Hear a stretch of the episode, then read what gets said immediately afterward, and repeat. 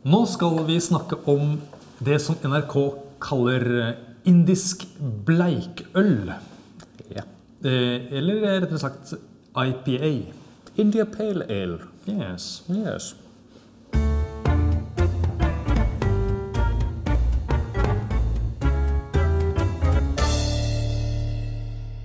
Jeg ser at mange er veldig opptatt av IPA. De vil brygge det, de vil smake det, de vil drikke det. Men hva er egentlig greia med IPA? Når, når vi smaker noe som er veldig tydelig i smakene, så er det enten lett å like eller lett å ikke like. Ja. Det er sjelden man smaker eller drikker IPA og tenker nja, denne var sånn akkurat passe. Tenker jeg. Er det, så det er et øl som roper litt? Som er på en måte, det snakker tydelig? Er veldig tydelig. Ja. Og hva er det eh, IPA-en sier, eller på en måte hva er det den viser tydelig? For meg så eh, handler det om bitterhet og fruktighet. Ja. Det er eh, to ting som er på en måte bærebjelkene i eh, IPA for meg. Ja. Og, og bitterhet, det er liksom den derre Litt sånn som når man drikker te og sånt noe. Det som man kjenner i munnen. Ja, Ja. Og mens fruktighet er noe man mer lukter, kanskje. ja, Ja. Det, det er det. Ja. Og smaker. Ja. Og da har jeg skjønt det sånn at noen av de, de har forskjellige navn, disse Ja. eh, IPA-ene i bane. Det må jo være tydelig, og da må man også ha tydelige navn som Ja. forklarer hva det er. Og da, nå føler jeg at det er, at det er, at det er riktig av oss å eh, komme med disse navnene. Ja, Ja. det er det. Da eh, begynner vi da med den vanlige IPA-en. Eh, som da er India Pale Ale. India Pale Ale, som da vanligvis er en sånn mellom, altså litt sånn ganske lyst øl. Er det ikke det? Jeg vil si at en, en vanlig Ja. IPA Ja. er et mellomlyst øl. Mellomlyst, ja. Ja, Ikke mellommørkt. Um, det har eh, en tydelig bitterhet. ja. Det har en tydelig fruktighet fra humlen som er brukt. Og det har noe maltpreg. ja. Og så har vi den som kalles for white IPA, altså hvit IPA. Ja. White IPA er en eh, ølstil som er ganske eh, ny. Ja. For tre-fire-fem år siden så kunne du spørre ganske mange bryggere om hva en white IPA var, og du ville ofte få har ikke peiling. Nei. Eh, Kort fortalt så er det rett og slett en hybrid mellom hveteøl og India Pale Ale. Eh, Som regel hvitt og India Pale Ale. Ja. Så det er altså en Så det er på den lyse, lyse siden. Ja. Og så fins det noe som heter black IPA. Ja. Svart IPA. svart indisk bleikøl. Ja, ja, ja det, Selvmotsigelse. Eh, Nei, eh, det er da altså en, eh, kort fortalt en porter med Eller en, en mørk øl med eh, humleprofilen til en eh, IPA. skjønner. Så hvis du har noe som ser ut som en stout, men det lukter uh, furunål, så er det antageligvis en, eh, en black Sjansen IPA. er stor. Ja. Og så er det noe som heter uh, uh, dobbel IPA, eller double IPA. Ja, Dobbel-IPA, trippel-IPA og, og Imperial uh, IPA. Og, ja. Og hva er det de har doblet eller triplet da? Nei, altså du kan jo egentlig si at de har doblet alt. Eh, en dobbel IPA er ofte ganske høy på alkohol. 8-9% alkohol. Ja. Eh, den har ofte veldig høy bitterhet. Mhm. Den har ofte veldig mye uttalt humlefruktighet. Så det er altså en eh, IPA på steroider. Ja. Og da lurer jeg på hva på en måte blir For det stopper vel ikke der. Å nei da. Kommer det noen, kommer det noen nye, tror du? Ja, hver dag. Hver dag. Ja. For jeg har sett noen som har puttet Nå har de puttet frukt oppi Oi, ja. IPA-en. Ja, Det siste, det nye, det siste nye er New England eh, IPA. Ja. Som da er eh, en veldig uklar uh, India Pale Ale med lav bitterhet, veldig høy eh, sånn fruktighet. Altså De snakker om sm nesten sånn smoothie-IPA. da.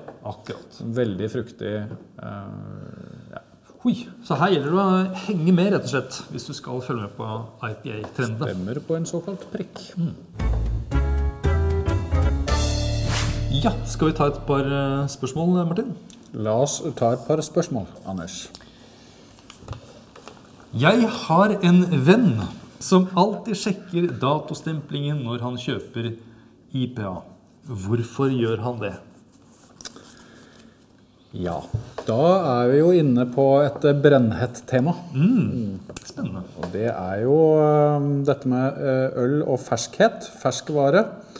Eh, De som har eh, drukket eh, litt forskjellig IPA, vil kanskje ha lagt merke til at noen smaker veldig fruktig. Andre smaker rett og slett litt mer sånn mot karamell og kanskje litt sånn gammelt, rett og slett. Gammelt, ja. Ja. Jeg har vært borti noen sånne øl som smaker litt mot noe sånn hundetørrfôr. Det hørtes jo ikke spesielt godt ut. Som jeg, jeg tror er fordi at eh, ølet var blitt for gammelt. Ja. altså det der humlepreget var blitt for utvikla. Ja.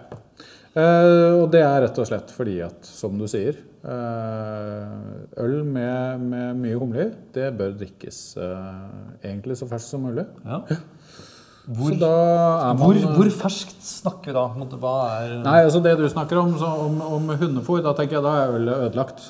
Så det er nok et par år gammelt. Mm. Eh, hvis du får tak i India Pale Ale som er eh, ferskere enn fire-fem måneder, så ville jeg vært veldig fornøyd. ja. Og, Innimellom så har du så flaks at du får øl som kommer omtrent rett fra tappelinja. ja. og når det gjelder vin, så vet jeg at det er lurt også å lagre vinen eh, der den ikke får direkte sollys. Er det sånn med øl også?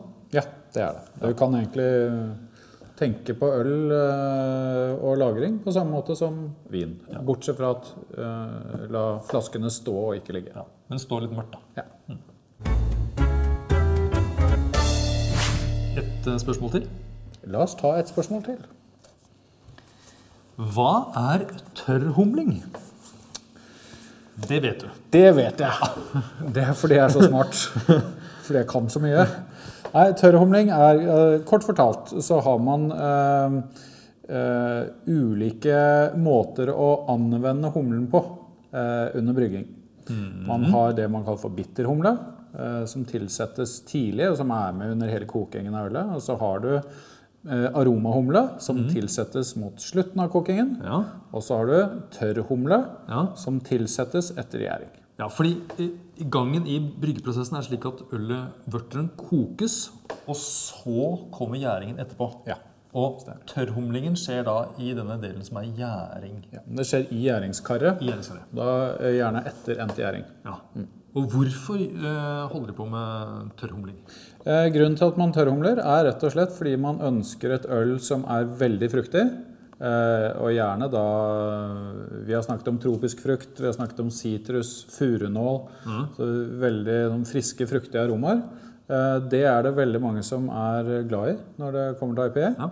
Eh, og denne tørrhumlingen understreker og underbygger eh, denne typen fruktighet eh, veldig. Nettopp. Tørrhumling, altså. Ja, Martin. Nå skal vi kose oss, for nå er det tid for kake. Nam-nam. Ja, og det vet jeg at du liker, ja. Det stemmer. Ehm, eh, men nå skal vi prøve noe som du kanskje ikke har prøvd før. Det er nemlig eh, gulrotkake og IPA. Har du prøvd det før? Interessant. Det har jeg ikke prøvd. Nei, fordi første gang jeg prøvde det, så, eh, så tenkte jeg at det er jo eh, ja, nesten umulig. Ja, Det høres litt vrient ut. ja. For det er et veldig bittert øl. Eh, I det glass, andre glasset her så er det et mørkt øl, og det er en Imperial Stout. Og det er jo et mer sånn klassisk dessertøl, for det har mer sødme og mer fylde. Ja, Mm. Så nå skal vi prøve. da prøver vi. Ja.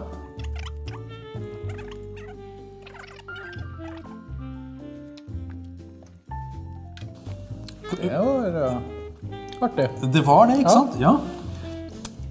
Jeg syns at det, er, det får fram det krydderpreget i kaka, og jeg syns også det der humlepreget i, i ølet kommer tydelig fram også. Det blir nesten, ja, det blir nesten som å drikke te til, eh, til kake. Det, og det passer bra. Men vi kan jo prøve det andre også. La oss gjøre det.